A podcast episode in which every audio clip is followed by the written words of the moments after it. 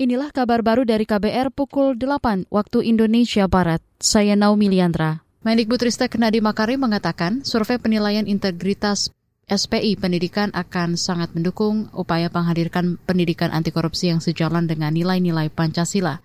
Kata dia hasil survei ini akan menjadi bahan pertimbangan dan pembelajaran untuk memperkuat pendidikan anti korupsi di setiap jenjang pendidikan serta terus memastikan agar seluruh elemen pendidikan mampu menghadirkan lingkungan sekolah yang lebih berintegritas. Melalui kolaborasi erat antara KPK dan Kemendikbudristek, mari kita ciptakan lingkungan pendidikan yang bebas dari korupsi. Terus bergerak serentak mewujudkan merdeka belajar.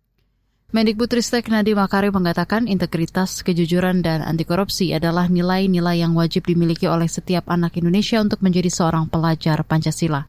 Sebelumnya KPK menggelar survei penilaian integritas pendidikan. Survei dilakukan untuk memetakan kondisi integritas pendidikan baik pada lingkup peserta didik maupun ekosistem pendidikan yang mempengaruhinya seperti tenaga pendidik, pimpinan termasuk aspek pengelolaan. Kita ke berita luar negeri.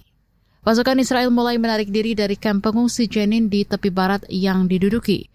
Dikutip dari BBC, penarikan ini mengakhiri operasi besar selama dua hari yang menyebabkan setidaknya 12 warga Palestina dan satu tentara Israel tewas. Selain korban tewas, Kementerian Kesehatan Palestina mengatakan lebih dari 100 warga terluka, 20 di antaranya kritis. Militer Israel melancarkan operasinya di kamp pengungsi Jenin pada Senin pagi, dimulai dengan serangan pesawat tak berawak.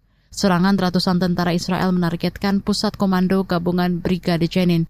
Militer mengatakan operasi kontraterorisme difokuskan pada penyitaan senjata dan menghancurkan pola pikir kamp pengungsi sebagai tempat berlindung yang aman.